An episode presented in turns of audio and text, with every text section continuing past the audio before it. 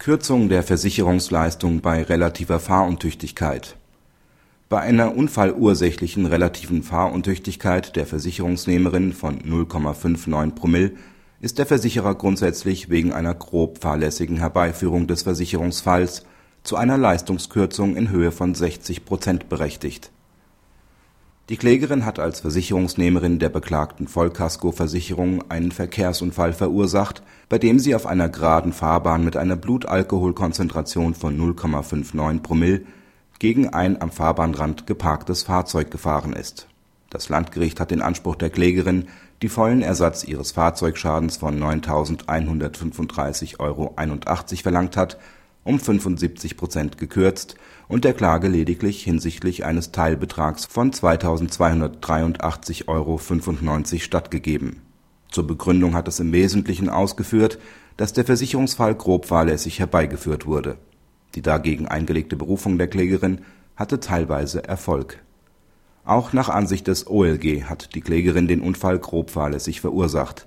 Bei dem Abkommen auf gerader Fahrbahn handelt es sich nach Ansicht des Senats um einen typischen alkoholbedingten Fahrfehler, der den Verkehrsunfall herbeigeführt hat.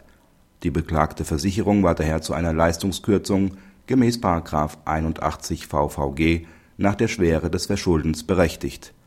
Der Senat bewertet die vom Landgericht vorgenommene Kürzung von 75 Prozent als zu hoch und hält zudem die Vorgehensweise in Schritten von jeweils 25 Prozent für zu grob er spricht sich für eine Kürzung in Schritten von 10 Prozent aus.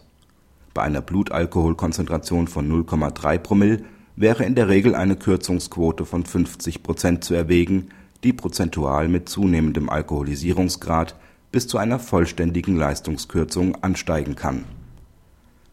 Mildernd ist zu berücksichtigen, dass die Klägerin sich zum Zeitpunkt der Herbeiführung des Versicherungsfalls in einer emotional belasteten Situation befand (schwere Erkrankung der Eltern eine Leistungskürzung um 50 Prozent sei daher tatangemessen.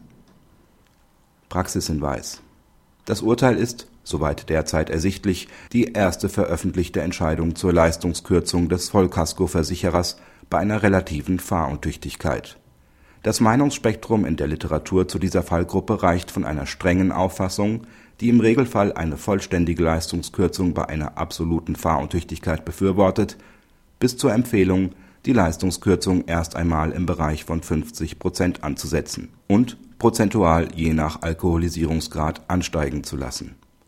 Das OLG Hamm hat sich letzterer Auffassung angeschlossen und sprach sich für eine Vorgehensweise in Schritten von 10 Prozent aus, die in der Literatur ebenfalls befürwortet wird. Es bleibt abzuwarten, ob sich dieser Auffassung weitere Gerichte anschließen werden.